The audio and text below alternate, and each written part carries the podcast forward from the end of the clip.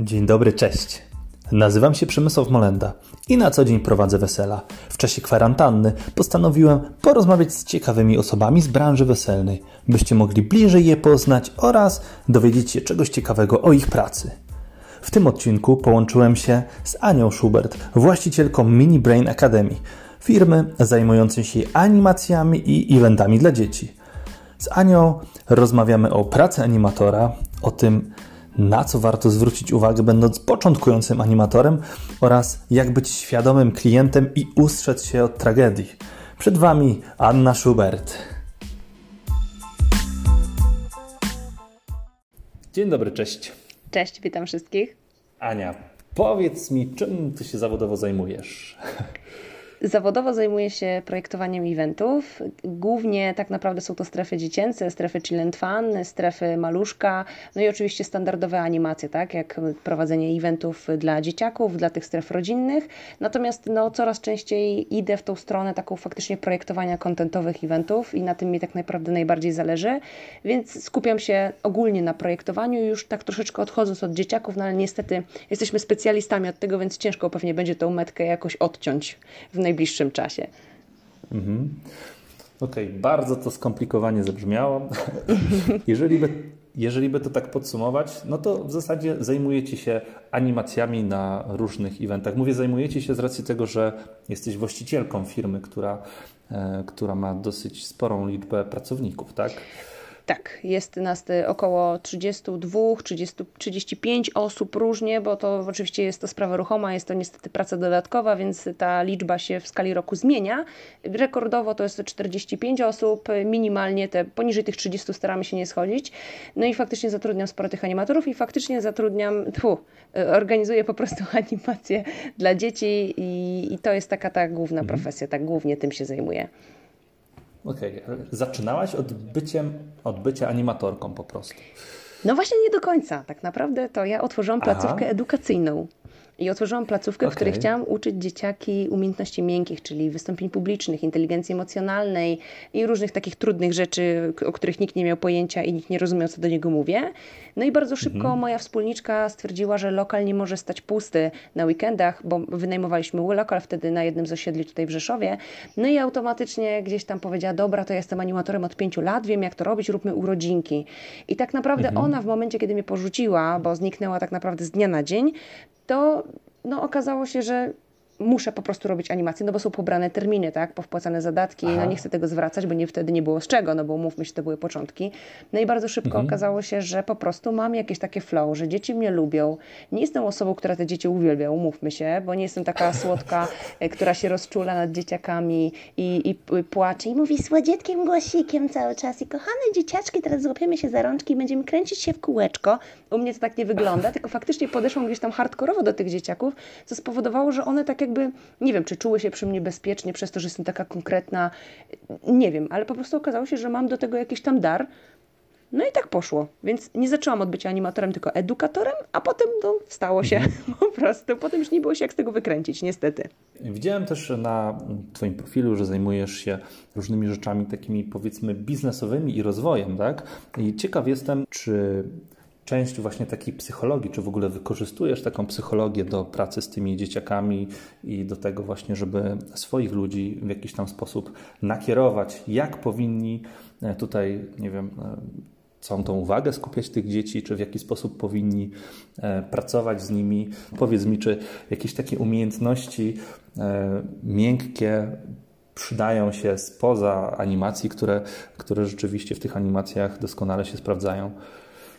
Nie no, oczywiście jak najbardziej się sprawdzają. Ja oczywiście, żeby założyć w ogóle tą placówkę edukacyjną, to stwierdziłam, że muszę mieć odpowiednie wykształcenie, ponieważ pedagogika to było minimum dwa lata, można było to robić online, ale mi to nie, nie odpowiadało, to skończyłam studia podyplomowe, jestem certyfikowanym coachem i stwierdziłam, że okej, okay, no to to mi mhm. świetnie się sprawdzi i będę te dzieci też coachować i że później to wykorzystam właśnie w animacjach i nie ukrywam, że wielokrotnie te techniki coachingowe wykorzystywałam do tego, żeby tak naprawdę wpływać na te dzieci w konkretny sposób żeby one robiły to, na co ja mam ochotę, tak? Ale mhm. tak, jakbym tak miała tak podsumować faktycznie serio, serio, jak to wyglądało w praktyce, to muszę niestety przyznać, że nie zastanawiałam się, jak to powinno wyglądać i jakich technik użyć, żeby w jakoś tam, czy jakie możliwości, które znam z dziedziny biznesu, bo tak naprawdę własny biznes mhm. prowadzę od 2010 roku, więc chyba już całkiem długo i było to w różnych branżach i naprawdę ten rozwój osobisty zawsze mi towarzyszył.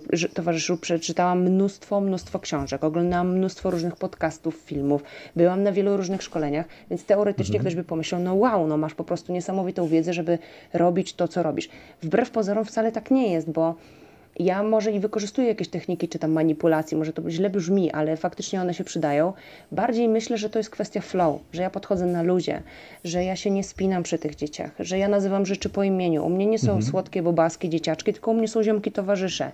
U mnie jest tak, że dzieciaki mogą na przykład nazywać się jak chcą. Dzisiaj chcesz być ketchupem, bułką, albo ogór ogórkiem, albo korniszonem, to po prostu tym jesteś, tak? I okay. dzieciaki mogą nabrać supermocy na, na swojej imprezie i mogą po prostu być kimś innym. I powiem szczerze, rzadko kiedy mhm. dzieci bazują na swoich imionach, tylko wykorzystują to, żeby być ulubionym bohaterem bajki i tak dalej. Więc szczerze mówiąc, nie wiem skąd się to u mnie wzięło. To jest po prostu ja idę, obserwuję. Myślę, że ten rozwój osobisty, który mi towarzyszył przez tyle lat i mhm. ta, ta cała edukacja taka biznesowa spowodowało, że ja po prostu potrafię słuchać i jestem dobrym obserwatorem. Mhm. I po prostu widzę, jak się dzieciaki zachowują, co na nie działa. Stosuję czasami dziwne techniki, żeby właśnie wpłynąć, zwłaszcza na te gagatki, które próbują rozwalić nam imprezę, ale mhm. raczej wychodzę z założenia, że, że po prostu to nie jest tak bardzo potrzebne. Choć nie ukrywam, że w wielu przypadkach te, te zdolności biznesowe przydały się, ale nie pod kątem samych dzieci, tylko pod kątem pracy z klientem, tak? czyli z rodzicem, który umówmy okay. się, no, płaci nam za tą animację, tak? bo to nie dziecko nas zatrudnia, tylko jednak dorosły. Więc no, tutaj pod tym kątem klienta jak najbardziej.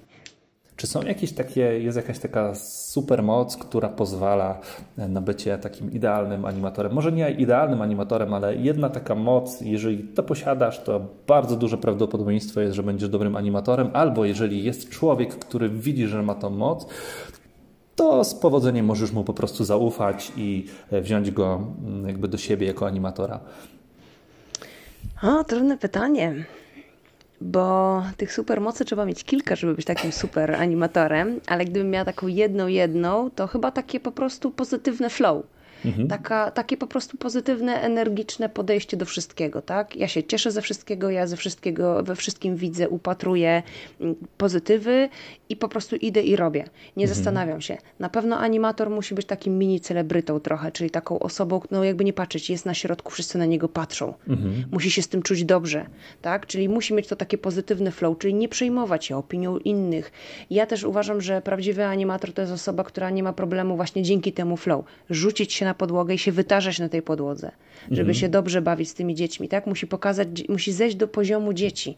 I pomimo, że rodzice z boku na nas patrzą i sobie myślą, co za głupki, Boże, jakie kolorowe pajace, to mnie to nie obchodzi, tak? Ja w ogóle na to nie zwracam uwagi. Choć nie ukrywam, że ja jestem, mam trochę takie zboczenie, bo mhm. ja bardzo mocno prowadzę, mam już pewne wyćwiczone schematy, mhm. które powielam, zwłaszcza jak jestem gdzieś pierwszy raz, bo po co mam się wysilać i nie wiadomo co wyrabiać, skoro siadają najlepsze zabawy moje, które mam sprawdzone. No ale to się Jeżeli... też nazywa doświadczeniem, tak? No dokładnie. Ja, ja na przykład mówię jakieś teksty, nie myśląc o tym, co ja mówię i w tym czasie obserwuję rodziców i mhm. na tej podstawie dopasowuję to, jak działam.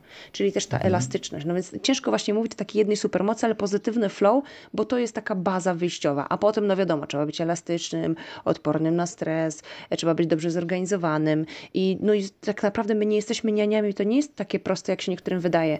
Niektórzy mhm. nas traktują właśnie jako dodatek do wesela, jako fanaberia, coś, co jest niepotrzebne. Przecież poszedł dzieci, przecież ogarnie każdy, nie? No i tak niektórzy właśnie myślą. I ja wychodzę właśnie zawsze z założenia, że chcę edukować, chcę pokazać ludziom, że praca animatora to jest ciężka robota, charuwa mhm. bardzo często, gdzie my z jęzorem na brodzie wpadamy, żeby prowadzić daną imprezę, gdzie my musimy się użerać bardzo często z tymi dziećmi, gdzie masz 20 dzieci na weselu, każde, brzydko powiem, drze japę i chce czegoś innego, a ty musisz to ogarnąć. Mhm. I tak naprawdę twojego klienta nie interesuje, jak ty to zrobisz, masz to zrobić, tak? a z drugiej strony traktują nas niepoważnie i nie traktują nas na takiej zasadzie, że można nam zapłacić konkretne pieniądze, że my się edukujemy w tej kwestii. Ja jeżdżę regularnie na szkolenia, edukuję się, trenuję swój zespół, mhm. zmuszam ich, daję im cały czas kopniaka w tyłek, żeby szli do przodu, żeby się rozwijali, a nie na pięciu zabawach robili przez pięć lat to samo, tak? A klient tego mhm. nie rozumie, bo jest mnóstwo też takich osób, które po prostu, o, jestem studentem, nie mam pomysłu na siebie, to zostanę animatorem No niestety tak to wygląda. Okay, to... Bardzo często ludzie, którzy nie mają pomysłu na siebie, nie mają mhm. weny do tego, co chcą robić, po prostu zostają animatorem, bo to jest proste przecież, nie? No pewnie, że tak. no Powiem Ci szczerze, jak e, wpadam do przedszkola po moją córkę, to nie wyobrażam sobie, jak można byłoby być przedszkolanką albo osobą, która ogarnia 20 takich diabełków małych e, zamiast jednego, nie? Także ten, kto myśli, że to jest proste, chyba nie ma dzieci. Ale rzeczywiście, jak mówisz o studentach, to, to może tak jest. Ale właśnie mhm. chciałbym wrócić jeszcze do tego, mm, a propos tych umiejętności, a propos tego, że mówisz o szkoleniach. To, to fajny temat. Ciekaw jestem, właśnie jestem taką przedszkolanką albo studentem, tak? I mam pomysł, że chciałbym być animatorem. E, jak wygląda wyszkolenie takiej osoby? Mhm. Może u Ciebie w firmie, a jak, jak, jak to powinno wyglądać? To są dwa pytania takie okay. połączone, ale, ale po no części... Właśnie, dużo gadania. Tak, dużo gadania. Okej, okay. no to już tłumaczę, jak to wygląda. Z mojej perspektywy szkolenie animatora polega na tym, że ja pokazuję zabawy, tłumaczę, jaki powinno być flow podczas danej zabawy, jakie są założenia, ale nie na zasadzie uczenia zabawy schematycznie. Ja im pokazuję mhm. tylko ogólną zasadę, ale pokazuję, jak ja to robię. Co mówić? Ja zawsze buduję taką fabułę. U mhm. mnie zabawa Wyginam śmiało ciało, czy jak ktoś to zna pod hasłem Na ziemi zostaje, to nie jest zwykła zabawa Na ziemi zostaje. To jest zabawa z, z postaciami Madagaskaru, mhm. która ma odpowiednie wejście. Ja w ten sposób uczę swoich animatorów, że ma, mieć, ma być fabuła, mhm. to ma mieć sens, że jedna zabawa wynika z drugiej. Jeżeli my robimy, za, nie wiem, robimy kolorowy deszcz, tak, zrzucamy piłeczki, to wcześniej je segregujemy, bawimy się w kolory, mamy aspekt edukacyjny. Mhm. Dzieciaki segregują te piłeczki, potem robimy właśnie tą wielką burzę mm, kolorowego deszczu, potem jeszcze wykorzystujemy ten rekwizyt, który już mamy rozłożony. Wiesz, u mnie wszystko jest tak naprawdę zaplanowane okay. i mamy jakiś tam taki ogólny scenariusz. Oczywiście animatorzy sobie to modyfikują wedle uznania, bo u mnie też jest założenie jeżeli robisz coś, co się klientowi podoba, to mnie to nie interesuje, co robisz. I nie, może to brzmi dziwnie, ale mhm. z drugiej strony, jeżeli ja wiem, że animatorka ma swoje sprawdzone, ulubione zabawy, w których czuje się najlepiej, czyli wiem, że je poprowadzi najlepiej, mhm bo nie będzie prowadzić nigdy moich zabaw tak, jak ja to robię. No umówmy się, nie jest w stanie mnie skopiować, ona nie jest mną. No tak. Więc jeżeli ma swoje zabawy, to idzie i robi. I dziewczyny w ten sposób u mnie szlifują warsztat, natomiast korzystają z mojej wiedzy bardziej tej takiej właśnie z pracy z klientem, jak sobie radzić w trudnej sytuacji, co robić, kiedy dziecko zrobi to czy tamto, albo co robić, gdy ogólnie, tak? Czyli bardziej z tej wiedzy, z tego doświadczenia. Dlatego też uważam, że najlepszym szkoleniowcem jest czynny animator. I najlepszym właścicielem firmy animacyjnej jest ktoś, kto czynnie jest tym animatorem. A znam niestety firmy, gdzie firmą zarządza osoba, która nie ma bladego pojęcia o animacjach, co też widać potem po animatorach. Gdzie to są ludzie z ulicy, z łapanki i to są ludzie, którzy robią byle co i nie potrafią piniaty obsłużyć, gdzie umówmy się, to jest najprostsza rzecz, bo wystarczy kijem po prostu trzepać w worek pełen cukierków, tak? A nie potrafią tego zrobić. No hello, które nie potrafią puścić baniek mydlanych XXL, co wystarczy wylać płyn, zamoczyć kij i machać. Mhm. No, no wiesz, i to, to jest po prostu dla mnie straszne, że, że my coś takiego wypuszczamy na rynek. Wiem też, Czyli że niektórzy animator, próbują się szkolić. Animatorowi po prostu mhm. nierówny, tak? To oczywiście, zrobić, żeby oczywiście. być już właśnie taką osobą? Jeżeli chciałbym rzeczywiście zacząć i nie robić hały, ja wiem, że najważniejsza, przynajmniej mam takie zdanie, najważniejsza jest praktyka. Im szybciej zaczniesz coś robić, mhm. tym lepiej. I choćby to miało być, nie wiem, napisać do znajomych, e, kto ma urodzinki, wyjdę za friko, tak, bo chcę się do, douczyć, doszkolić, ale jaki, jaka powinna być ta baza, co powinienem, czego powinienem się nauczyć, jak myślisz? No to już mówię. Nie ma oczywiście złotego środka, tak? Każdy z nas jest mhm. inny. Niektórzy są spokojniejsi, nie poprowadzą takich animacji, jak ja robię, tak? Inni są wybuchowi, więc ciężko im się bawić na przykład z mhm. maluszkami. Więc nie ma złotego środka niestety. Niestety też fakt, że zawód animator nie jest zawodem kwalifikowanym, nie określa nas żadne, żadne przepisy prawa, nie mamy tak naprawdę, nie ma szkoleń profesjonalnych, bo nie ma profesjonalnych mhm. szkoleń. Na palcach u jednej ręki policzę osoby, które mają na tyle wiedzy, żeby robić szkolenia, z czego może z dwie na pięć robi faktycznie szkolenia, że można się czegoś nauczyć, że pokazują Ci, jak robić te zabawy fajnie, żeby one nie były takie byle mhm. jakie. Natomiast zdaję sobie też sprawę, że no niestety, ale klient bardzo często myśli w ten sposób, że, że po prostu potrzebna im jest ktoś, kto przyjdzie i po prostu rozrzuci kolorowe rekwizyty i się pobawią. I mhm. tyle. I jeżeli bym miała odpowiedzieć na Twoje pytanie, to nie ma czegoś takiego, co określi, czy Ty będziesz dobrym animatorem, czy nie, bo klienci też są mhm. różni. I są klienci, którzy chcą kogoś spokojnego, kto posiedzi w kąciku i będzie słodką panią nianią, a są klienci, którzy mają już jakieś porównanie na rynku i chcą mhm. po prostu animatora petardę. klienci, czyli ja się... ci rodzice, tak? Bo tutaj klienci... Tak, rodzice, pary mhm. młode. Bardzo często jest tak, że ktoś zobaczył animatora na imprezie i już ma inny pogląd mhm. na ten temat już inaczej myśli o zatrudnieniu animatora. To już nie, nie szuka już kogoś spokojnego, bo już zobaczył, że można to robić inaczej. I tak samo myślę jest z wodzirejem weselnym. Mhm. Jeżeli ktoś ma, miał właśnie takiego dziadka, o którym wstępnie mówiliśmy, tak? W kapelusiku, który sobie we fraku robi e, po prostu jakieś tam e, grzeczne zabawy, a potem zobaczy kogoś młodego, kto robi to z polotem, z pomysłem, z fajnym rekwizytem, to on już nigdy nie będzie patrzył na wodzireja przez pryzmat tamtego gościa, tylko tego nowego, mhm. tak? I tak samo jest w animacjach. No, niestety nie ma, nie ma fajnych, konkretnych szkoleń, nie ma się gdzie szkolić i tak naprawdę ogromna praca jest w nas samych, w animatorach, żeby się do tego przyszkolić, ale jest to łatwy pieniądz, niestety. No, muszę to powiedzieć. Jest to łatwy pieniądz dla wielu osób, bo można w bardzo szybki sposób zarobić kilka stówek, bo, mhm. nie, bo gdzieś tam ludzie się dopasowują do tych y, cen rynkowych, że tak powiem, i nawet ci, którzy nic nie potrafią, i tak wołają te większe mhm. pieniądze. Idą, zrobią byle co, rozrzucą mnóstwo sprzętu. Więc odpowiadając jeszcze na to wcześniejsze pytanie, co trzeba mieć, żeby zacząć, żeby być animatorem, tak naprawdę mówi się, że dobry animator to jest ten, który potrafi 6-godzinny piknik firmowy poprowadzić z jedną piłką i dwoma kartkami A4. I ja w to, ja w to, no ja w to wierzę, że naprawdę to się da, bo ja wielokrotnie byłam w sytuacjach, w których opowiadam dzieciom fabułę, że zaraz wyciągnę chustę, której by the way nie lubię, a niestety każdy animator zaczyna mhm. od tego i wyciągnę tą chustę, bo wiem, że dzieciaki to lubią, a ona mi się przydaje do zrobienia wielkiego bałaganu z kulek, mhm. no to opowiadam fabułę, nagle odwracam się, ja nie mam tej chusty. Jakież było moje zdziwienie wtedy, gdy się okazało, że tej chusty nie mam i trzeba było szyć na żywo. Trzeba być kreatywnym, dlatego prawdziwy animator powinien się uzbroić przede wszystkim w kreatywność. Więc jeżeli chce zacząć animować, to trzeba się przygotować. Nie można sobie tak po prostu dzisiaj postanowić, dobra, zostaję animatorem, bo nie muszę żadnych kursów mieć, nie muszę mieć żadnego wykształcenia, po prostu idę mhm. i robię. No to w takim razie powinien się, nie wiem, przygotować, przeglądnąć filmiki, bazę inspiracji, mhm. powinien oglądać YouTube'a, y, czytać, y, ściągać darmowe PDFy, edukować się w tej kwestii, wymyśleć zabawy z, z, tutaj z pogranicza harcerstwa. Oratoria mają bardzo dużo takich zabaw swoich, które można łatwo przerobić na takie typowe, dla typowego, tak, zjadacza mhm. chleba. Nie trzeba, nie muszą być na bazie religijnej, tak jak to w oratoriach bywa zwykle. Więc to są tutaj dobre, chodzi to są o to, dobre że... inspiracje, to Ci mhm. przerwę, bo rzeczywiście Do... czasami mam dokładnie. wrażenie, że że nie ma co jakby tworzyć koła na nowo, jak to się mówi, tak? Tylko mhm, bardzo dokładnie. fajnie jest wziąć coś i po prostu to ulepszyć, usprawnić, zrobić w jakąś nowoczesną formę, e, zmienić formę, ale mechanika danej gry, danej zabawy pozostaje taka sama. Zgadza się, oczywiście, no, bo, bo, to nie jest tak, że ja wymyśliłam zabawę, wyginam śmiało ciało. Ja dorobiłam fabułę do zabawy na zimi zostaje, która jest znana po prostu wszystkim od mhm. wielu, wielu lat. Wymyśliłam ją po swojemu. Jest zabawa ciuciuła, którą też wszyscy znają, bo wodzirejowie też prowadzą to na weselach, tak? Tylko ja mam swoją mhm. wersję ciuciuła, gdzie nie są te ruchy takie, co można znaleźć w internecie, tylko mhm. mam swoje. Są też takie hardkorowe, tak? Siku i dwójeczka. U mnie akurat nie, no, ale, no to, ale dzieci się z tego cieszą, rodzice też. Jeżeli to, właśnie tu też jest u umiejętność animatora jeszcze jest w tym, żeby nawet jak powiesz coś takiego jak siku, czy kupa, czy pupa, to robisz to w taki sposób, że to nie mhm. jest wulgarne. Ja potrafię na przykład ochrzanić dziecko, ale potrafię się w taki sposób uśmiechnąć, że nikt tego nie odbierze, że ja to dziecko ochrzaniam, ale dziecko już wie, mhm. co nabroiło.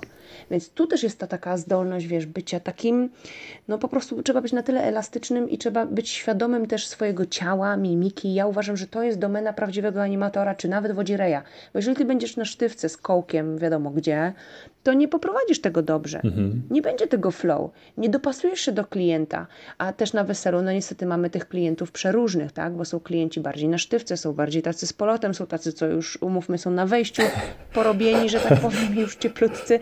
Więc ty też musisz być bardzo elastyczny wtedy i musisz mieć to flow, żeby wiedzieć, jak się dopasować. Największym problemem tak samo DJ-a jest, jak upuszczać muzykę. Mhm. I tak naprawdę najgorsze jest, jak, jak ci klient, czyli para młoda, powie, że nie wolno puszczać disco polo, a ty dobrze wiesz, że wszyscy się bawią przy disco polo, tak? No i wiesz, i ktoś ci przychodzi, babcia z dziadkiem i panie, daj disco polo, bo nie będziemy się bawić mhm. i oceniają cię przez pryzmat muzyki, bo ktoś ci nie pozwolił puszczać tego, co powinieneś robić, bo powinny się dopasowywać do człowieka, mhm. tak, który się bawi na tej imprezie. No i to takie samo z animacjami. No. Jeżeli chodzi o animatorów, tak podsumowując temat zostania animatorem, uważam, że trzeba po prostu być myślącym. Osobą, która myśli. I to jest najważniejsze. Jak już myślimy, to już jest naprawdę połowa sukcesu. No to a dobra, nie, to się wytnie. Czego się wytnie? Nic się nie wytnie. Chciałem powiedzieć, że to mało kto się nadaje, ale okej. Okay. Nie, wiesz co, powiem Ci tak, jeżeli to ja się ustosunkuję i to potwierdzę, faktycznie mało kto się nadaje. Znaczy może inaczej, jeżeli chodzi o animatora, wodzireja, DJ-a, mm -hmm. każdy może nim zostać, mm -hmm. ale nie każdy się do tego nadaje. To jest racja. No właśnie. Okej, okay. szybkie pytania. To jest e, szybkie pytanie i, i krótka odpowiedź. Mm, najlepiej jakby to było maksymalnie jeden wyraz bądź zdanie, ok? Okej, okay, dobra, no to jedziemy. Co jest Twoją największą siłą? Yy, nie da się jednym zdaniem. Dobra, jeszcze raz zadaj to pytanie. Co jest Twoją największą siłą? Dobry flow, pozytywny flow i energia. Okej. Okay. to było trudne. Kim się inspirujesz, bądź kto jest Twoim idolem? Niestety nie posiadam idola, inspiruję się otoczeniem i zachowaniem ludzi. Co jest najlepszego w weselach? To, że nikt nie patrzy ci na ręce. Co jest najgorszego na weselu, albo co najmniej ci się podoba? Alkohol. Okej. Okay. Ulubiona gra animacja weselna? Mm, taniec Asiari. Brzmi enigmatycznie. Następne pytanie. Jeden rekwizyt, który wzniósł Twoją pracę o level wyżej. Może to być 10 lat temu, ale po prostu jakiś rekwizyt, który naprawdę pomógł Ci mocno. Mhm. Tak zwane grzybki, a w rzeczywistości są to pachołki piłkarskie, takie krążki z dziurką. W jakich czasach wolałabyś mieć wesele? 10 lat temu, teraz czy za 10 lat, czyli nie wiadomo co to będzie? 10 lat temu. Okej. Okay. Jedna książka warta przeczytania? Mm, zarobić milion i pod prąd. Jakuba Bączka. Jaką rolę według Ciebie na weselu pełnią animacje? Jaką rolę? Też krótko? No, może być krótko. Jaką rolę? No, animatorzy są po to, żeby po prostu rodzice mogli z tymi ludźmi, z którymi bardzo często nie widzieli się lata, bo umówmy się, wesela bardzo często są tym takim mhm. momentem, kiedy ludzie zjeżdżają z zagranicy, kiedy spotykają się z rodziną, którą dawno, której nie widzieli dawno, bo mieszka na drugim końcu Polski i spotykają się w jednym miejscu i bardzo często te dzieci wiszą na tych szyjach rodziców, więc o ile na początku te dzieciaki mają co ze sobą zrobić, bo zwiedzają teren, muszą zostać wycałowane przez wszystkie mhm. babcie, ciotki, wujki, dziadki i tak dalej, o ile gdzieś tam jest jakiś plac zabaw, który zwiedzają rodzice, jeszcze się nie są rozkręceni, jeszcze czekają, wiadomo, zanim pierwszy taniec, zanim obiad, czasami jeszcze tort jest na samym początku, więc mają co robić, tak przychodzi taki moment nudy, rodzice mhm. już są po kilku głębszych albo po napojach wyskokowych, pod warunkiem oczywiście, że to nie jest impreza bezalkoholowa.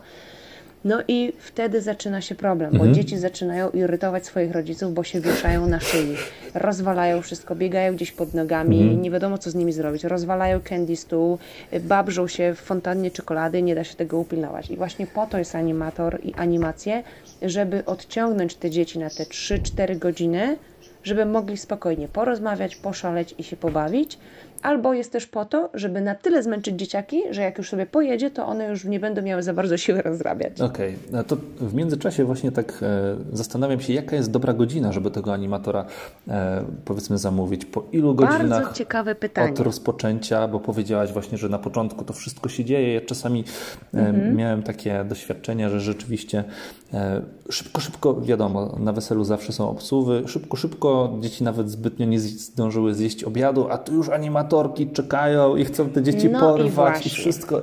I sobie myślę, Boże, dajcie w ogóle tym ludziom zjeść obiad, nie? Tak, cieszę się, że poruszasz ten temat, bo to też jest temat, który ja, szczerze mówiąc, jak już rozmawiam z klientem i mu opowiadam o tych rzeczach, to mam 100% sprzedanych imprez, dlatego że oni czują, że ja po prostu wiem, o czym mówię. Mhm. I teraz już tłumaczę, jak to wygląda z mojej perspektywy. Ja uważam, że najgorsze, co można robić, to jest naciąganie klienta w ten sposób, że ktoś ci mówi, że ma ofertę, w której jest od początku wesela, czyli przykładowo od godziny 16, mhm. bo o 14 są najczęściej śluby, tak? Mhm. I tak naprawdę schodzi do 15, zanim dojadą gdzieś tam do lokalu. No to akuratnie ta 16 to jest taka godzina, kiedy teoretycznie te dzieci są na sali. Mhm. I oficjalnie animatorzy pomagają kroić tak zwane kotlety. A ja zawsze klientowi mówię, że właśnie nie że my nie mamy przyjechać wtedy, kiedy wy się pojawicie na sali, bo wtedy właśnie dzieci mają co robić i to, co powiedziałam wcześniej, babcie, dziadki, ciotki, całusy, mhm. zwiedzanie terenu i tak dalej, rodzice jeszcze mają siłę do nich, tylko animator w mojej firmie pojawia się wtedy, kiedy dzieci zaczynają się nudzić. Mhm. I uważam, że najlepszą godziną to jest przykładowo, jeżeli o 14 mamy ślub, do 15 nam schodzi w kościele. Ja zawsze pytam się klienta, ile będzie gości, tak? Ilu będzie tych gości? Jeżeli będzie setka, to wiem, że życzenia pójdą w miarę sprawnie. Mhm. Jak mi mówi, że będzie 250 czy 300, no to ja już wiem, że dwie godziny niewyjęte to są życzenia. O ja cię. Zadaję pytanie, Jakie czy wy macie wesela są... w tym Rzeszowie? 250 osób. No ostatnio pani mi powiedziała, że zaprosiła 500, rozumiesz? To ja nie wiem, gdzie oni to zrobili, ale zaprosiła 500 osób, z czego 75 to były dzieciaki. Ja cię gole, masakra. No ale przyszły koronaferie, więc się wesele chyba nie odbędzie, zwłaszcza przy takiej ilości. No ale, no nieważne, ale wiesz, i teraz tak, ja właśnie tłumaczę, że tutaj trzeba brać poprawkę, że z tym schodzi, że z obiadem zejdzie, jeżeli jest duże wesele, wesele, to przecież oni muszą zdążyć rozdać nawet, ludzie muszą zdążyć zjeść, ten pójdzie mhm. na papierosa, ten pójdzie już do baru. Mhm. Wiadomo, że to się jakoś tam rozmywa. Nie są osoby, które robią tort nie w czasie oczepin, tak jak to się zwykle przyjęło, tylko robią mhm. tort jako deser po obiedzie. Tak. I wtedy ja też o to pytam, czy wy to macie w planie? I nagle się okazuje, że mamy godzinę 17.30, a oni dalej są, wiesz, na etapie mhm. jedzenia, tańca i tak dalej. A jeszcze, tak jak mówisz, są obsuwy bardzo często. Ja też biorę poprawkę, że nawet jak nam wyjdzie z wyliczeń, że na przykład o 17 teoretycznie dzieci powinny zacząć się nudzić, bo już będzie ten taniec, będzie to jedzenie i tak dalej, mhm. to ja jeszcze zawsze proponuję, zróbmy jeszcze godzinkę obsuwy mhm. na tak zwane nieprzewidziane kwestie, bo zrobią wam cztery bramy, a nie dwie. Albo, no taka jest prawda, no nie, nie oszukujmy się. A może ksiądz y, y, zrobi dłuższe kazanie, mhm. bo nie ma kolejnego wesela po was, czy ślubu, tak? Więc tutaj właśnie cały czas chodzi o to, że ja klientowi tłumaczę, że jest tak bardzo dużo czynników, które wpływa ostatecznie na tą godzinę przyjazdu, ale szczerze, w historii mojej pracy może ze dwa razy byliśmy o 16 na weselu, z mhm. reguły jesteśmy 17.30, 18, a czasami nawet 19, po to, że policząc od 19 3 godziny, to mamy 20, 21, 22. Mhm. To jest magiczna godzina, 22, kiedy dzieciaki idą spać. Animatorzy, dzieci tak, animatorzy, animatorzy jakoś tak zauważają dziwne, dziwne zjawisko. Dzieci magicznie znikają, mhm. bo się okazuje, że dzieci są zmęczone, mhm. albo 22 to jest taka godzina, kiedy przyjeżdża instytucja babcia, ciotka, dziadek, na przykład, co mieszka w okolicy i zabiera te dzieci do domu mhm. E, i po prostu zostaje, albo, albo jeszcze lepiej, jak mamy, niestety nie korzystają z napojów y, alkoholowych, po prostu do 22, po to, żeby to dziecko zawieźć do ciotki, babci, do kogoś tam mhm. i wraca dopiero na imprezę. Więc ta 22 jest taką magiczną godziną. Ja też bardzo często klientom powtarzam, umówmy się na 3 godziny, zawsze na miejscu możecie wydłużyć animację o godzinę, o dwie. Mhm. Teoretycznie tyle mają w umowie zakontraktowane, tak, że mogą wydłużyć tą animację, oczywiście dopłacając, tak? No tak? Ale ja też wychodzę z założenia, że jak ktoś nas zamawia na 5 godzin, a po trzech okaże się, że nie mamy z kim się bawić, to my też nie czarujemy klienta tylko zgłaszamy mu, przepraszam, ale to nie ma sensu, bo dzieci już okay. są nieaktywne. One są, ale może jeszcze już nie są na tyle aktywne, żeby z tobą się bawić, bo to jest mhm. wtedy takie, wiesz, na siłę, to nie o to chodzi. Mhm. Więc ja, my podchodzimy bardzo tak rzetelnie do klienta i myślę, że ci, którzy z nami podejmują współpracę, po prostu to doceniają. No poza osobami, które liczyły na to, że nie dość, że my przyjedziemy, zrobimy pompę, to jeszcze udekorujemy salę, bo ostatnio dostaliśmy opinię y, słabą, że nie udekorowaliśmy sali, bo pani właśnie spodziewała się animatora, Aha. który przywiezie masę kolorowego sprzętu i po prostu będzie jełopem, który będzie stał z, tymi, z tym sprzętem. Gadżetami. A my tłumaczymy, dlatego my tłumaczymy klientom i dlatego ja też właśnie nagrałam kurs Dekalog Animatora, mhm. gdzie przede wszystkim skupiam się na tym, żeby pokazać tym młodym ludziom, którzy chcą zostać animatorem, że ty nie masz być kolorowym pajacem z masą kolorowego sprzętu za miliony monet, mhm. tylko ty masz animować. I uwaga, animowanie to nie jest malowanie twarzy i skręcanie balonów. To jest dodatek. Nie jest? No nie jest. No nie wiem. Malowanie twarzy to jest face painting, a skręcanie balonów to jest twisting, a animacja czasu wolnego to jest animacja czasu wolnego. Oczywiście okay. wiadomo, że my to mamy w ofercie, ale ja na przykład jestem chyba jedynym animatorem w Polsce, który głośno mówi o tym, że my na weselach nie chcemy malować. Mhm. Nie dlatego, że nie umiemy, nie dlatego, przecież to jest idealna robota. Patrz, przyjeżdża animator, ma malowanie twarzy. Mhm. 30 minut maluje twarze, 20 minut robi baloniki, godzinę ma zabawy, bo w międzyczasie wypadnie posiłek jeszcze, bo nigdy się jeszcze tak nie, nie da się tak zrobić, żeby nam nie wypadł posiłek w trakcie animacji. Mhm. No i tak naprawdę wiesz, no godziny prowadzić animację to i każdy głupi potrafi. Mhm. No tak. I dlatego my na przykład, my, my po prostu nie chcemy malować twarzy, bo ja widziałam Spidermana odbitego na sukni ślubnej pani młodej. Nie na mojej imprezie jako animatora. I teraz sobie wyobraź, co ta pani musiała przeżywać młoda. No to grubo. No dlatego ja od tamtej pory, jak to zobaczyłam, całe szczęście to ja byłam tam prywatnie wtedy, nie było tam moich animatorów mhm. i szczerze mówiąc od tamtej pory zawsze głośno powtarzam, że malowanie twarzy na weselu jest B i mhm. jest złe.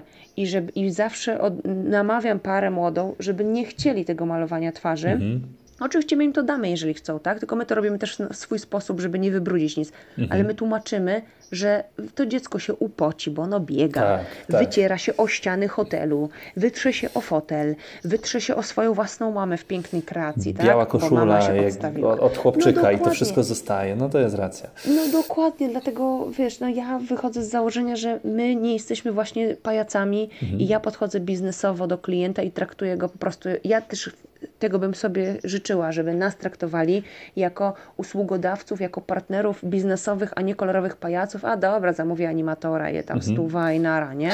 I rób imprezę. Więc no właśnie o to chodzi, że cały, mhm. czas, cały czas ja próbuję edukować i znalazłam sposób, mam nadzieję, że nie, jeżeli nie jestem w stanie wyedukować klienta, bo mogę go wyedukować dopiero jak zobaczy nas na animacji, tak? Mhm. I dopiero jak będzie miał ze mną kontakt, ale najpierw musi do mnie trafić. Mhm. A ja zakładam, że wesela robi się raz. więc, więc raczej mogą nie mieć więcej chyba, okazji że, nas zapraszać. Chyba, że przyjdzie koronawirus i trzeba przełożyć. Albo no, zrobić drugie no, większe. Ale... No właśnie, więc może być i tak. Natomiast cały czas chodzi właśnie y, o fakt, że jeżeli ja nie jestem w stanie edukować klienta, mhm. bo ciężko jest to zrobić, to chcę nauczyć tych młodych ludzi, którzy chcą zostać animatorem, chcą to robić dobrze, chcę im pokazać, jak to powinno być robione dobrze, mhm. żeby nie powielać tych schematów, bo tak naprawdę jak wpiszesz animator dla dzieci, to zobaczysz same kolorowe panienki tak. w kolorowych, stylowych spódniczkach z balonikami we włosach. No taka jest prawda. A ja uważam, że animator powinien być hardkorowy i najlepsi animatorzy, jakich znam, mhm. to są z reguły faceci, nie ukrywam, mhm. i z reguły są to faceci, którzy nie są w kolorowych strojach, są śmiesznie ubrani, ale mhm. nie są tak, wiesz, infantylnie.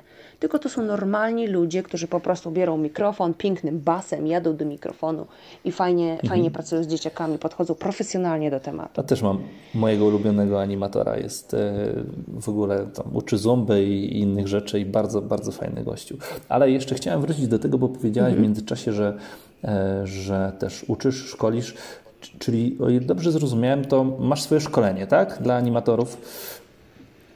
Tak, e, znaczy przez to, że są koronaferie, w końcu znalazłam czas na pewne rzeczy mhm. i niestety, ale zaczęłam sama się też doszkalać, tak? W trakcie koronaferii wszyscy robią za darmo live'y, za darmo, umówmy się, teraz mamy specjalistów od wszystkiego w internecie, bo Aha. po prostu wszyscy teraz są specjalistami od wszystkiego i robią wszystko. I zaczęłam się szkolić i w pewnym momencie dałam się złapać na tym, że ludzie szkolą, nie mając bladego pojęcia o temacie. Mhm. I tak trafiłam na szkolenie z Kanwy, bo ja Kanwę to jest taki, taka strona darmowa do robienia grafik mhm. i ja na Kanwie pracuję już od dwóch lat. Korzystam, korzystam.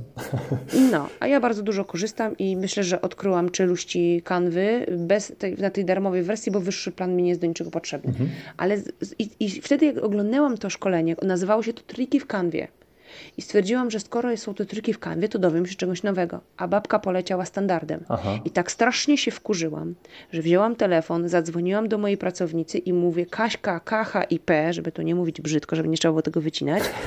Kaśka, Kacha i P, robimy kurs kanwy, nagrywamy.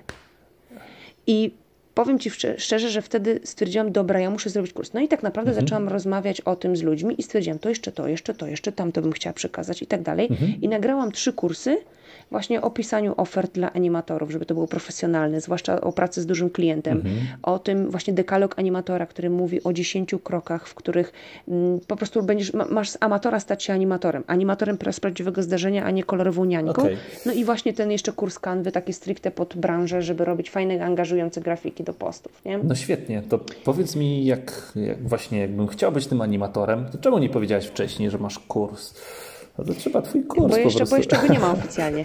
Aha, okej. Okay. Ale będzie za chwilę. Na razie jest nagrany, czeka na wrzucenie na platformę, więc to jest, to jest na etapie rozwojowym, ale Aha. oczywiście myślę, myślę, że będzie słychać o tym, że ten kurs jest. Dobra, e, to jak ktoś będzie e, tego słuchał za powiedzmy tydzień, czy tam za miesiąc, to gdzie powinien wejść, na jaką stronę, żeby na twojego fanpage'a, tak? Tak, najlepiej wszystko przez fanpage'a, bo jeszcze nie wiem, gdzie to będzie. Na Aha. razie na Anna Schubert, właśnie MBA. Wejść sobie i obserwować, bo chcę się dzielić wiedzą. Zresztą na moich live'ach dzielę się wiedzą bardzo merytoryczną i mam bardzo duże grono ludzi, którzy mi dziękują za to, że po prostu nazywam rzeczy po imieniu. Więc mhm. myślę, że można sporo doświadczenia mojego zaczerpnąć i nie uczyć się po prostu na swoich błędach, tylko na moich. Wracając znowu do animacji, bo dzisiaj o animacjach bardzo dużo e, rozmawiamy i jeszcze troszkę porozmawiamy.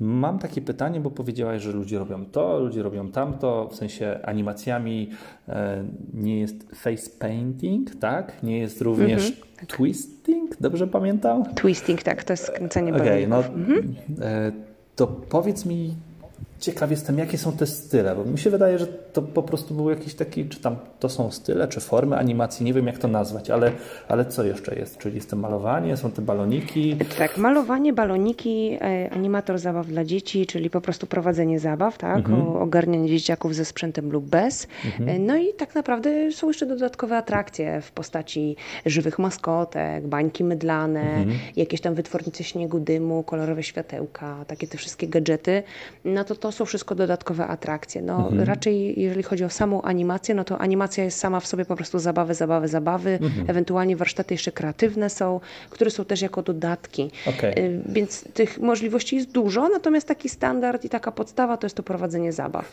A mm, spotkałaś się z czymś takim, albo może wprowadzacie jakiś taki pokój z grami, bo czasami jak widzę te dzieciaki, to 15 osób siedzi i gra po prostu na telefonach albo na czymś. Znaczy, ja wychodzę z założenia, że animator jest od tego, żeby y, przeciągnąć te dzieci w ten świat analogowy, tak? Aha. a nie y, ten taki cyfrowy. I robimy strefy tak zwane planszowisko mhm. albo strefy po prostu ekogier, ale to są gry manualne, gdzie ktoś okay. musi siąść albo z kimś i po prostu zagrać. Tak mamy też gry XXL, które są w jakiś tam sposób wymuszające na dzieciakach i kwestie jakieś tam ruszenia mózgownicą, bo muszą się zastanowić, policzyć, coś sprawdzić, coś wykonać, jakieś zadanie zadanie i y, takiego pokoju, znaczy może inaczej, pokój gier. Mam coś takiego też w ofercie, mhm. to się nazywa strefa Chill and Fun mhm. i są to gry na przykład arcade, gdzie masz ponad 300 gier takich oldschoolowych typu Mario Bros, Aha, okay. więc takie też rzeczy mamy, czy Mortal Kombat. Natomiast mamy też do tego, no jeszcze tam flipery mhm. i tam jakieś takie piłkarzyki, czy takie rzeczy, no takie trochę też, no można powiedzieć, że trochę taki jakby mhm. pokój gier. Ale umówmy się, to na wesela się nie nadaje, bo to są okay. budżety już rzędu 2-3 tysiące za, nie wiem, 3-4 godziny nie? Mhm. Na eventy. Wydaje mi się, że teraz rzeczywiście ludzie, w sensie klienci, mają bardzo dużo różnych opcji do wyboru i często pewnie nawet sami nie wiedzą, co chcą i co byłoby dobre. Jak nie popaść w tą taką taką pułapkę, że wiesz, im coś się bardziej świeci, czyli tutaj mamy trzy maskotki, tak? Ja to widzę też po sobie, że ludzie mi często zadają pytanie na sam początek o sprzęt, co tak naprawdę to jest najmniej istotne w tym wszystkim. E, czy, czy będą te bańki, czy nie będzie tak naprawdę, no właśnie, w tym te prowadzenie, to jest te clue i sposób, w jaki, w jaki my robimy. Ciekaw jestem właśnie, jak jest też z tymi animacjami. Czy, czy ludzie rzeczywiście nie mają pojęcia, czego chcą i, i, w jaki sposób sprawić, ja jako na przykład osoba, która, e, która będzie miała wesele za chwilę, e, jak zrobić, żebym wiedział, czego oczekiwać od animatora, w jaki sposób się przygotować, jakie pytania zadać, albo co sobie w głowie przetworzyć, tak? Mhm, już Ci mówię. Generalnie temat jest o tyle trudny, że bardzo często klienci oczekują od ciebie, że będziesz mieć wszystko i nic. Czyli, że będziesz osobą, mhm. która przyjdzie i będzie miała tak dużo atrakcji, bo to by fajnie wygląda. I niestety mam przypadki ludzi, którzy kompletnie nie znają się na zabawach z dziećmi, kompletnie nie potrafią tego prowadzić, ale przywożą malowanie twarzy, baloniki, tatuaże brokatowe, zaplatanie warkoczyków, żywą maskotkę, bańki mydlane mhm. i nagle się okazuje, okazuje tak. że na trzy godziny... I watę, watę cukrową to, jeszcze widziałem. To, to, watę cukrową to mogłam wymienić jako jedną z pierwszych. Ale przywożą właśnie masę takich sprzętów i nagle się okazuje, że z tych trzech godzin na przykład zabawy jest, nie, nie robią ani jednej impre- innej zabawy, tak? Żadnego biegania, skakania. Mhm. No i, i ja się zastanawiam, to po cholerę biorą animatora. Sami by sobie mogli to mhm. zorganizować wszystko, naprawdę myślę nawet niższym kosztem, ale wiem, że tacy mhm. klienci są, tak jak wtedy my tą opinię, co dostaliśmy, bo nie udekorowaliśmy sali. No po prostu śmiech na sali. Pani liczyła mhm. na to, że ja przywiozę masę sprzętu, a my przyjechaliśmy prawdziwi animatorzy do pracy. I żeby tak nie, nie dać mhm. się wkręcić w to wszystko, to co mogę poradzić wszystkim potencjalnym parom młodym, tak, i wszystkim tym, którzy kiedyś będą zatrudniać czy animatorów, czy właśnie wodzirejów. Wcale nie liczba sprzętu decyduje o tym, czy to będzie dobra impreza. I ja uważam, że mhm. bez sensu jest przepłacanie, bo jeżeli w przypadku y, tam, nie wiem, wodzireja, tak, no to wiadomo, że tam sprzęt nagłaśniający, mówmy się, tak się nikt na tym nie zna, więc ty jesteś przecież o specjalistą. Ja, ja zakładam, że jak idę i komuś płacę, to on wie, co robi. Zresztą jak nie, no to mhm. sprawdzam w internecie, jakim ten człowiek jest, tak? No, ale wychodzę z takiego założenia, że jak ktoś zatrudnia animatora, no to daje nam wolną rękę i wie, że my to zrobimy najlepiej, tak? Więc y, siłą rzeczy ja uważam, że nie wolno dać się nabrać na ilość rekwizytów, bo taki animator wyślą ci po prostu, zapłacisz 500 zł, dajmy na to za animatora, czy 600, on przywiezie mnóstwo różnych rzeczy i po prostu będzie realizował jakieś takie techniczne rzeczy, a połowa dzieci będzie się nudzić bo nie jesteś w stanie bawić mhm. się z 20 dzieci, kiedy robisz watę dla jednego. Tak? Mhm. Nie jesteś w stanie w 3 czy 4 godziny wymalować 20 dzieci, zrobić im po, każdemu po baloniku, każdemu zrobić tatuaż brokatowy, każdemu jeszcze zrobić watę. Umówmy się, to nie jest w żaden sposób czas produktywnie spędzony przez dzieci. I niestety, im więcej rekwizytów, no tak. tym większe prawdopodobieństwo, że zatrudniasz osobę, która nie ma bladego pojęcia, o prowadzeniu animacji i o zabawie z dziećmi. Taka jest prawda, bo każdy głupek, za przeproszeniem, z ulicy, zresztą nawet sami młodzi lepiej by zrobili animację, bo też mogą równie dobrze kupić te rzeczy i położyć i dzieci będą sobie radzić. I ja uważam, że każdy głupek jest w stanie przyjść, zasypać okay. dzieci masą rzeczy, które dzieci same obsługują. To po cholerę jest ten człowiek, tak? Więc naprawdę nie dajmy się swariować mhm. i wybierając animatora, zastanówmy się, czy, czego my tak naprawdę oczekujemy. Czy my chcemy mnóstwo kolorowych rzeczy, to po co zatrudniać animatora? Weźcie dmuchańca. Postawcie dmuchańca w ogrodzie przed salą i będziecie mieć dzieci z głowy. I nie trzeba wam animatora, wyjdzie wam taniej i mniejsze ryzyko, że mhm. się komuś krzywda stanie. Chociaż powiem Ci, ja, jest taka sala tutaj niedaleko, która mhm. sala e, ma jakby dmuchańca i wcale nie jest to tania sprawa ale wiem po mojej córce, że ona na dmuchańcu, jak jest więcej niż 7 minut, e, w sensie próbowaliśmy jej jakby 2-5-minutowe, to ona się już potem nudzi, tak? No tak. E, także nie wiem, czy, nie wiem, czy ten dmuchaniec to jest no rzeczywiście właśnie. taka, taka Ale super w przypadku sprawa. tych e, animatorów, którzy przyjeżdżają z masą sprzętu i robią te tatuaże, warkoczyki i tak dalej, to też się te dzieci nudzą bo musiałby mieć tylu mhm. animatorów, ilu jest uczestników, żeby się dzieci nie nudziły. Ja wiem, że 100% dzieci nigdy nie bawi się równocześnie, bo to też jest złota zasada. Masz 20 dzieci, bawi się z reguły połowa równocześnie, mhm. a połowa jest w rozjazdach, ten idzie siku, ten na dwójeczkę, ten mhm. coś zjeść, ten się przebrać, temu mama kazała iść na zdjęcia. Więc tutaj cały czas chodzi o to, żeby nie dać się zwariować. Przede wszystkim jakie zadawać pytania. Właśnie to, jak animator, którą godzinę proponuje. To już jest najlepszy dowód na to, czy on ma w ogóle pojęcie o tym. I to, co ja powiedziałam, mhm. jeżeli ktoś Wam zaproponuje mm, bycie tak naprawdę od początku imprezy od krojenia kotleta, serio, to muszą być naprawdę kotlety ze złota, że Wam się opłaca płacić na przykład komuś 100 zł za godzinę za to, że kroi dzieciom kotlety. No, no nie jest to paradoksalne? No jest, no. Nie po to zatrudniasz animatora. Mhm. Zatrudnij sobie nianię, która weźmie 20 zł za godzinę, a nie 100 czy, czy 200. Masz rację. Więc tutaj trzeba, trzeba cały czas właśnie zadawać pytania, jak, jak planują, o której najlepiej przyjechać, y, żeby powiedział animator tak naprawdę klientowi, y, co mhm. będzie robił w trakcie. Jeżeli wymienia same dodatkowe atrakcje, no to nie wiem, czy chce zasłonić swoje kompleksy, albo czy chce zasłonić y, swoją, nie wiem, niewiedzę, albo brak doświadczenia, bo najłatwiej jest wyciągnąć chustę, mhm. rzucić na środek i rób ta, co chce ta. No bo tak niektórzy robią. Czyli w jakiś sposób ten, ten plan też można, można o ten Oczywiście i ja tak? uważam, że animator nie ma nic do ukrycia. Ja w ofercie wcześniejszej, bo teraz mam inną ofertę, już taką bardziej pro, to we wcześniejszej ofercie miałam wypisane od kropeczek, co my robimy na animacji. Szczerze mówiąc, malowanie twarzy i baloniki są na końcu. I ja uważam, że animator ma ożywiać dzieci, bawić się i kreatywnie z nimi mhm. spędzić czas, a nie właśnie wymalować twarze, dać balonika, zrobić warsztat kreatywny, coś tam jeszcze i nagle się okazuje, że tak naprawdę zatrudniliście niani, która po prostu ma trochę więcej rekwizytów niż taka typowa mhm. niania. Rozumiem. A równie dobrze można y, zatrudnić faktycznie niańkę za 20-25 zł za godzinę, która też zrobi takie rzeczy tym dzieciakom. Weźmie kolorowanki, kredki i będzie super. Mhm. Więc przede wszystkim trzeba pytać animatora o program, co będzie, co wchodzi w skład animacji, nie dać się zwariować, jeżeli proponują dużo atrakcji, to jest, powinniśmy się zastanowić, dlaczego proponują tyle atrakcji, za które ktoś inny bierze kupę kasy, bo to prawdopodobnie jest najlepszy dowód na to, że albo jest to początkujący animator mhm. i to też nie jest złe, bo początkujący wcale nie oznacza, że są gorsi, tak? bo mogą to robić nawet z większym zaangażowaniem niż ci tacy starzy wyjadacze. Racja. Ale może, być może jest to osoba, która nie ma pojęcia o tym, co robić, chce łatwej kasy, a dostał dofinansowanie z Urzędu Pracy, kupił sobie masę sprzętu i po prostu rzuca ten sprzęt na zasadzie, dobra, no to róbcie, a ja tylko będę pilnować, żebyśmy się nie pozabijali o ściany. No tak to Aha. niestety wygląda. Po... Ja wielokrotnie widziałam takich animatorów i niestety też są animatorzy w Polsce, którzy robią y, na takiej zasadzie, że nie, chcą, nie są sam, sami nie są czynnym mhm. animatorem. To, co mówiłam na początku, że oni zatrudniają ludzi po prostu, a sami nie są czynnymi animatorami i nie mają o tym pojęcia i zatrudniają ludzi z ulicy, w środę robią rekrutację, w sobotę ta osoba już samodzielnie prowadzi animację. Czy między środą a sobotą jest w stanie taki animator się wyszkolić, nabrać doświadczenie, żeby samodzielnie poprowadzić animację na Twoim weselu?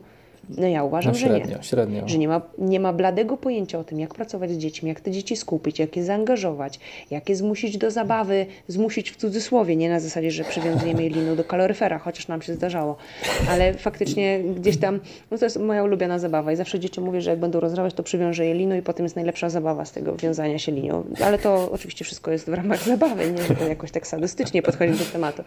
Ale faktycznie ta dziewczyna, która to robi, to ona zatrudnia ludzi po prostu z ulicy, mhm. którzy nie mają bladego pojęcia o tym, co się dzieje, na czym polega animacja. Sama była średnim animatorem i wypuszcza takich ludzi. No i, i co? I te dziewczyny jadą i tak mają piniatę, której nie potrafią obsłużyć, bańki mydlane, których nie potrafią obsłużyć, malowanie twarzy, baloniki, malują pędzlami do plakatówek, nie do twarzy. Wow. To też jest bardzo ważne. Ludzie nie zwracają uwagi jakiego sprzętu używa animator, bo właśnie wychodzą z założenia, że zatrudniają specjalistę. Ale czy specjalista bierze 200-300 zł za wesele? No mhm. nie. Specjalista weźmie więcej, bo ma OCE. Ja mam OCE na milion.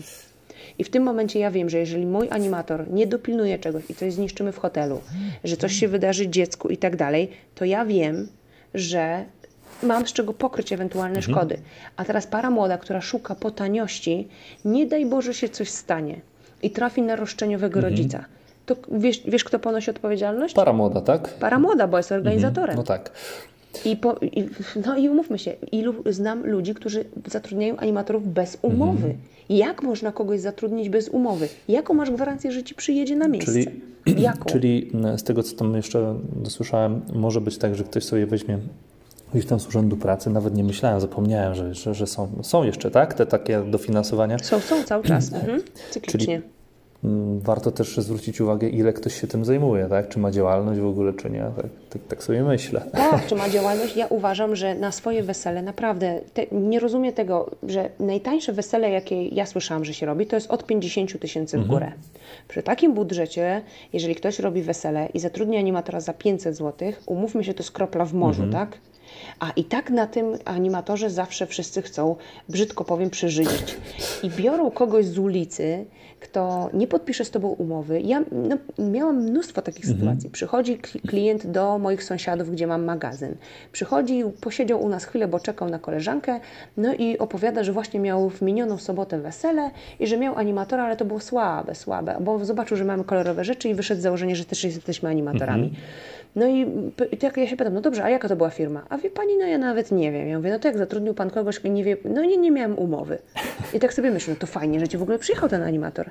Ile było sytuacji karnawałów, ile było sytuacji wesel, mm -hmm. gdzie ja w dniu wesela dostawałam telefon, czy macie kogoś wolnego na dzisiaj na 14 bo potrzebują na gwałturety animatora, bo animator złamał rękę na biegunkę, mm -hmm. złamał nogę. Wiesz, że animatorzy raz w tygodniu łamią no, ręce i nogi.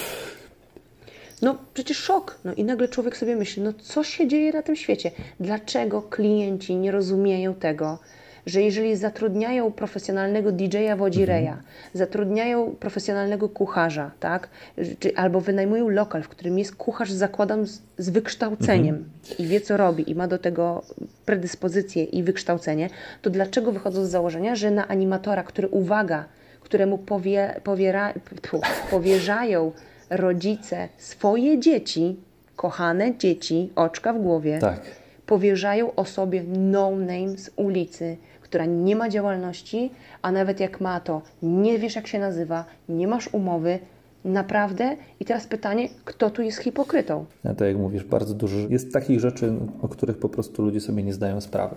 Ale okej, okay, chciałbym jeszcze tutaj szybko e, spytać się o to, ile mniej więcej osób trzeba, tak? Bo powiedziałaś, że jednego animatora czasami mhm. jest tak, że jeżeli masz na przykład bardzo mocno rozrzucone wiekowo dzieci, tak? Czyli mam 10 osób i powiedzmy jest, mhm. Połowa to są takie typowe maluszki, a połowa to są tacy już powiedzmy bardziej dorośli, czyli tam nastolatkowie, czy tam powiedzmy dziesięciolatkowie. Jak podejść do tego, jeśli chodzi o, o ilość osób, ilość animatorów, czy to pod względem ilości dzieci, czy ten wiek też ma bardzo duże znaczenie, czy relatywnie nie, nie ma znaczenia? No to już Ci mówię, bo to jest też bardzo fajne techniczne pytanie i też my musimy zaczynać od rozmowy z klientem i tłumaczenia, dlaczego tak, a nie inaczej zgodnie z przepisami prawa polskiego, ponieważ zawód animatora nie funkcjonuje na wykazie zawodów kwalifikowanych i nie jesteśmy zawodem takim, który właśnie, tak jak mówiłam na początku, określają jakieś przepisy prawa, mhm. to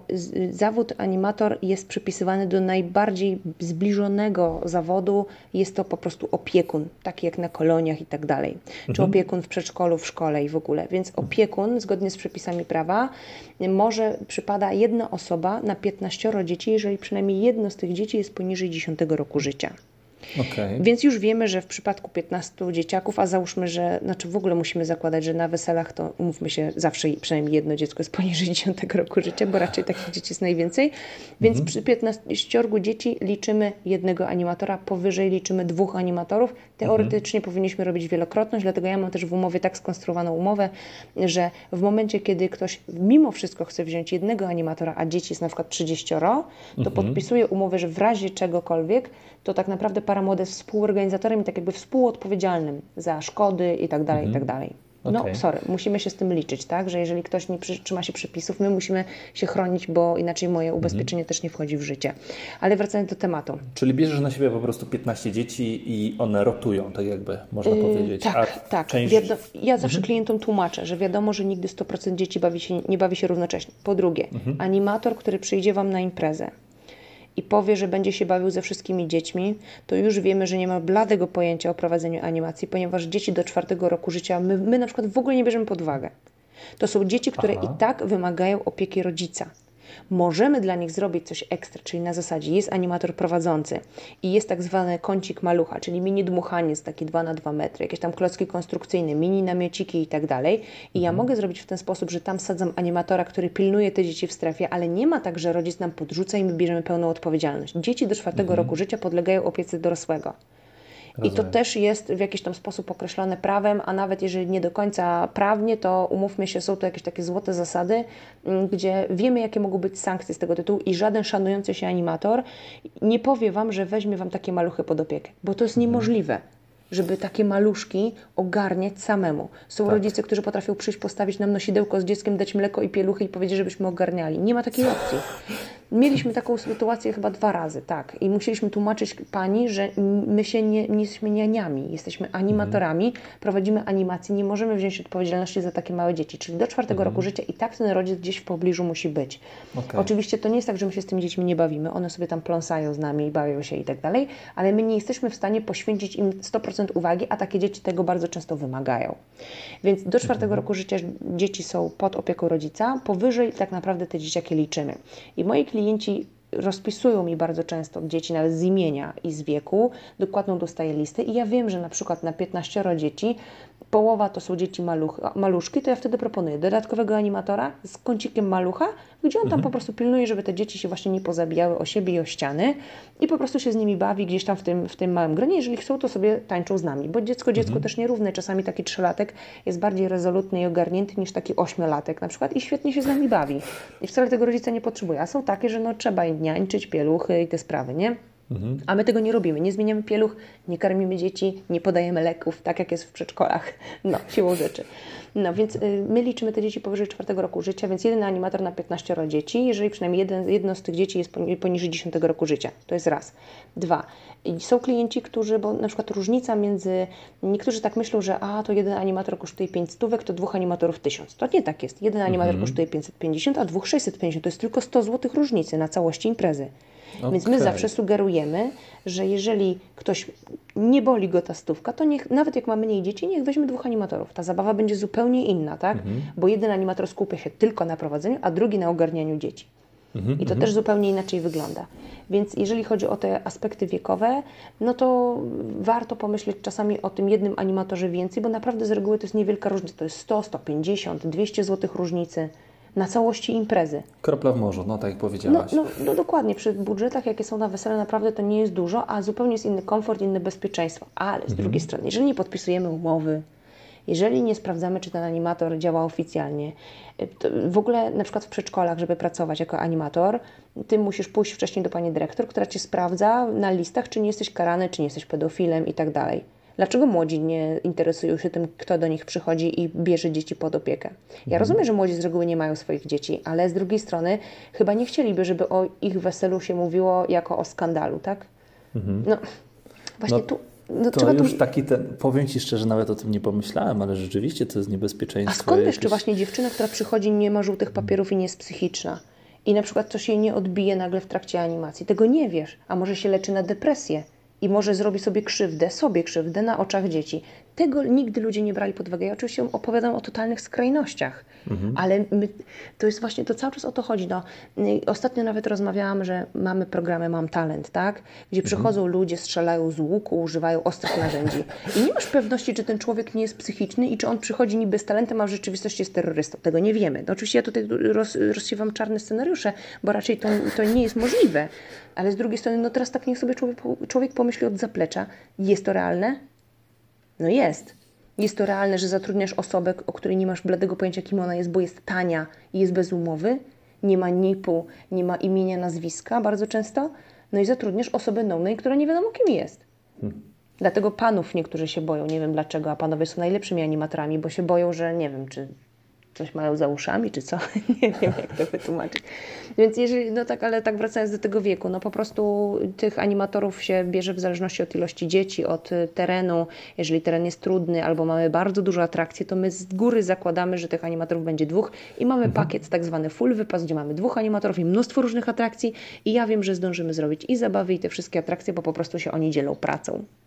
Okej, okay, okej, okay. ma to sens. No, no tak, na takich weselach, gdzie, jak powiedziałaś, 500 osób, to podejrzewam, że tych animatorów jest no, co, na, co najmniej dwóch. Tak, no kombinują młodzi, kombinują, wtedy się bierze trzy osoby, wiesz, to jest taki maks, nie? A potem Aha. niby się dzieci wykruszają magicznie, się bierze mniej, potem przyjeżdżasz na wesele, okazuje się, że jest dwa razy więcej osób. Aha. Więc to, to też niestety jest, też nie rozumiem, dlaczego klienci nie chcą być z nami szczerzy. Ja mhm. jestem szczera z klientami, opowiadam im o zagrożeniach, opowiadam im o, tak jakby uprzedzam, że pewne rzeczy mogą mieć miejsce, tak? Na przykład to, że nie, nie wiem, animator się spóźni na animację, bo właśnie kiedyś dziewczyna urwała koło w trasie, albo, mhm. nie wiem, jeleń jej wystokoczył na drogę, wjechała do rowu. No są, nie, nie tylko my jesteśmy na drodze, tak?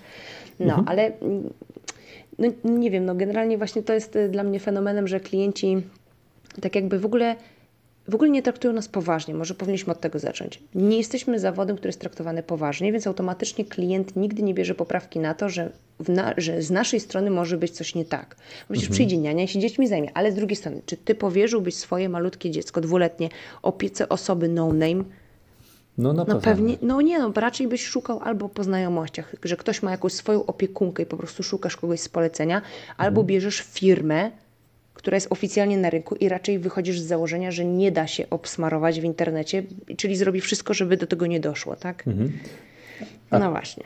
Ciekaw jestem, powiedz mi, jest tak, że są jakieś dzieci, które się po prostu nie nadają na animację albo są... Znaczy, ja pomijam tutaj takie mm, przypadki, które realnie, wiesz, tej w przedszkolach, czy tam w szkole ktoś ma swoją opiekunkę, bo też się spotkałem, jak, e, jak, jak byłem na imprezach w przedszkolach, że po prostu była jedna pani stricte delegowana do jednego tam osobnika. Mhm. E, no ale czy można powiedzieć, że no, te dzieci nie współpracują i po prostu to one się nie nadają, tak? Jest, jest coś...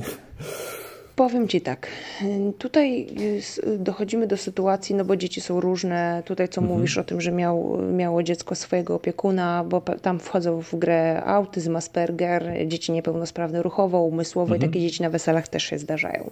Mhm. My oczywiście zawsze jesteśmy uprzedzani o tym, żebyśmy nie brali, nie wiem, coś ala stroboskop, żebyśmy nie włączali głośno muzyki. My mamy też ankietę, w której klient odpowiada nam, czy na weselu będą dzieci z niepełnosprawnością jakąkolwiek, bo my musimy być przygotować. To nie o to chodzi, że my chcemy wykluczyć te osoby z zabawy, mhm. tylko chodzi o to, żebyśmy się mogli przygotować, żebyśmy nie brali pewnych rzeczy, coś, co może spowodować jakąś nadwrażliwość sensoryczną takiego dziecka i będzie histeria. To nie o to chodzi, tak? Tylko się mhm. przygotowujemy po prostu odpowiednio. Natomiast nie, nie ma czegoś takiego, że dzieci, które się nie nadają, nie nadają się bobasy do animacji, to na pewno, bo nie są w stanie funkcjonować bez rodzica, a cała filozofia animatora na weselu jest taka, że po prostu rodzic ma chwilę luzu. Mhm. Natomiast są sytuacje, w których no, ciężko jest pracować z tymi dziećmi. To są właśnie dzieci niepełnosprawne, dzieci pełnosprawne, kiedy nikt tak naprawdę nie bierze ich pod uwagę. Nam jest zawsze przykro, jak na przykład ktoś nam nie zgłosi, że jest dziecko niepełnosprawne, bo byśmy dobrali program zupełnie inaczej. Nasi mhm. animatorzy są elastyczni, się dopasują na miejscu, ale no, nie wiem, dlaczego te dzieci z założenia się wyklucza. A jest też tak, sorry, że ci przerwę, że na mhm. przykład jak masz taką trudniejszą, trudniejsze wesele, trudniejszą imprezę, to wtedy posyłasz tutaj jakiegoś innego animatora, bo on ma więcej umiejętności w radzeniu sobie z tego typu dzieciakami, czy, czy w jakiś ten sposób tak Może inaczej. Cała filozofia mojej firmy opiera się na tym, że animatorzy są rozpisywani do eventu. Oni się Aha. sami zgłaszają, kiedy chcą pracować i na których eventach, ale to ja ostatecznie decyduję, kto gdzie pracuje. A dobieram mhm. animatora pod względem charakteru klienta, mhm. pod względem trudności właśnie terenu, trudności animacji, ilości dzieci. Wiem, że są dziewczyny, które się świetnie sprawdzają przy maluszkach, a są mhm. dziewczyny, które się lepiej sprawdzają przy dzieciakach starszych, a na przykład maluszków nie lubią, tak? Mhm. Więc nie będę ich na siłę tam wysyłać. Wiem, że są osoby, które świetnie sobie radzą z dużą grupą i jeżeli mam dużo dzieciaków, to wysyłam taką osobę, która się nie boi, potrafi to ogarnąć. Z reguły jest to chłopak.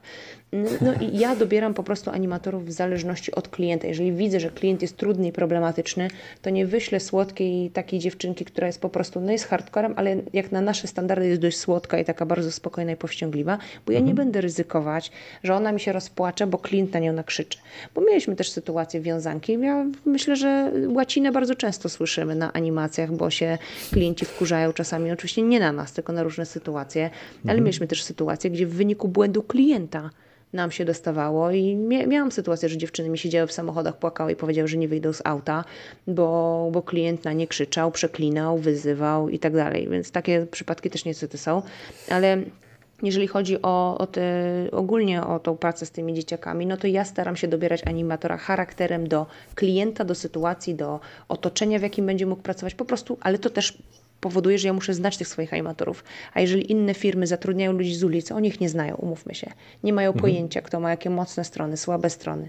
Ja tych swoich animatorów w szkole, więc automatycznie wiem, że ten się nadaje do tego, wiem, że ten ma jakieś tam głupie odpały, a impreza jest elegancka, to nie wyślę takiego krejzola, bo wypali mi jakimś głupim tekstem i będzie problem, tak? Dlatego wybieram kogoś, kto potrafi się zachować, bo na przykład na co dzień też jest konferencjerem i wiem, że zrobi to ładnie. No, więc tak to mniej więcej Rozumiem. wygląda. To jeszcze jedno mam takie pytanie dla, e, do Ciebie. Chciałem się zapytać, czy zdarzyła Ci się Wam jakaś sytuacja taka totalnie przypałowa, kolokwialnie mówiąc, e, jeśli chodzi o dzieciaki. Powiedziałeś na samym początku, że to jest różnie, że czasami po prostu same dzieciaki można powiedzieć, że starają się wejść na głowę. Mhm. Przyznam się szczerze, że patrząc na, na niektóre dzieci, to rzeczywiście no, po prostu nie da się tego ogarnąć, tak? E, czy zdarzyło Wam się coś takiego, jakoś taka wisienka na torcie? Zrobiłam godzinny live o wpadkach MBA. A, aż godzina. tak, aż godzina. No, mieliśmy parę takich wpadek. Oczywiście część z nich jest taka nieznaczna, że klient tego w ogóle nie zauważy. Natomiast jeżeli mówimy już o takich wpadkach mm, z prawdziwego zdarzenia, no to mieliśmy sytuację, u nas tutaj w regionie jest taka restauracja Bocarlo. Mhm. I ta restauracja tak naprawdę w dwóch miejscowościach, one są 5 kilometrów między sobą, tak? Jest odległość. Ale mhm. są dwie miejscowości i w nich oba lokale nazywają się Bocarlo.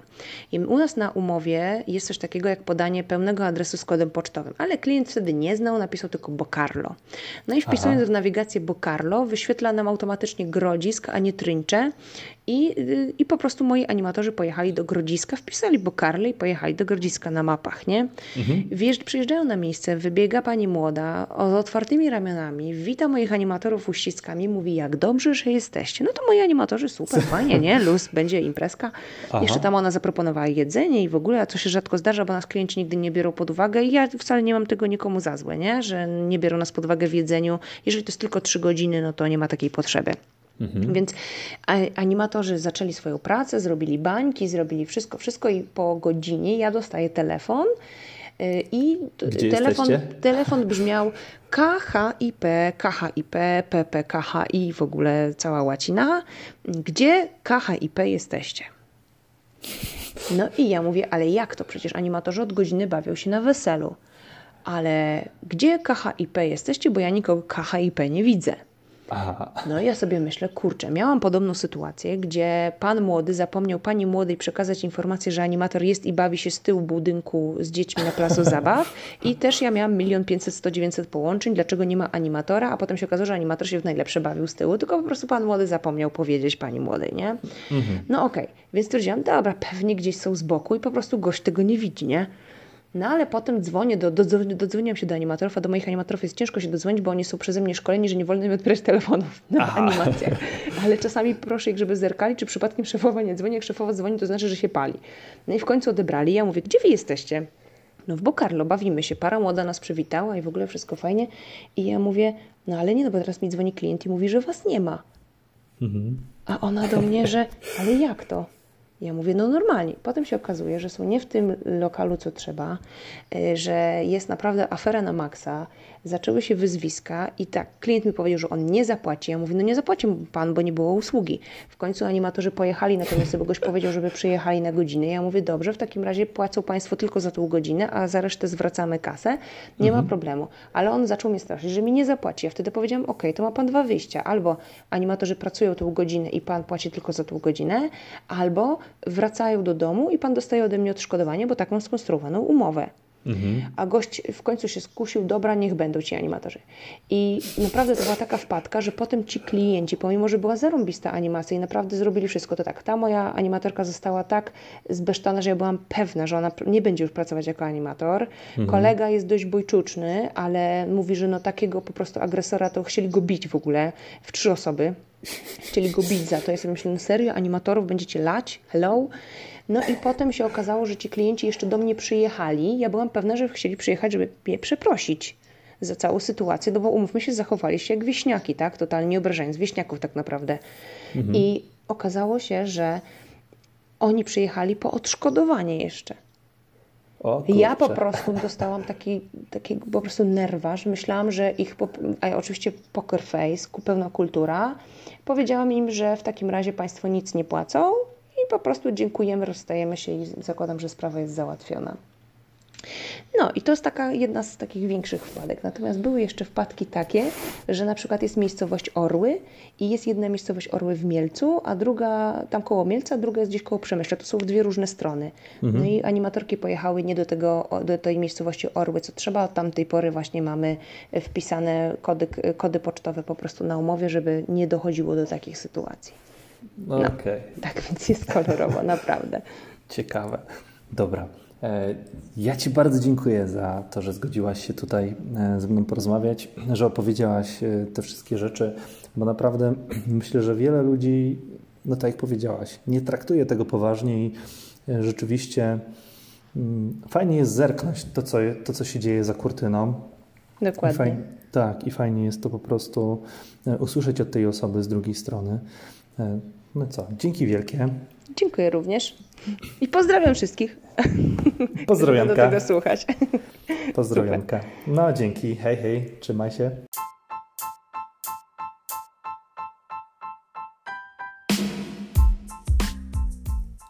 Dzięki, że zostaliście do końca.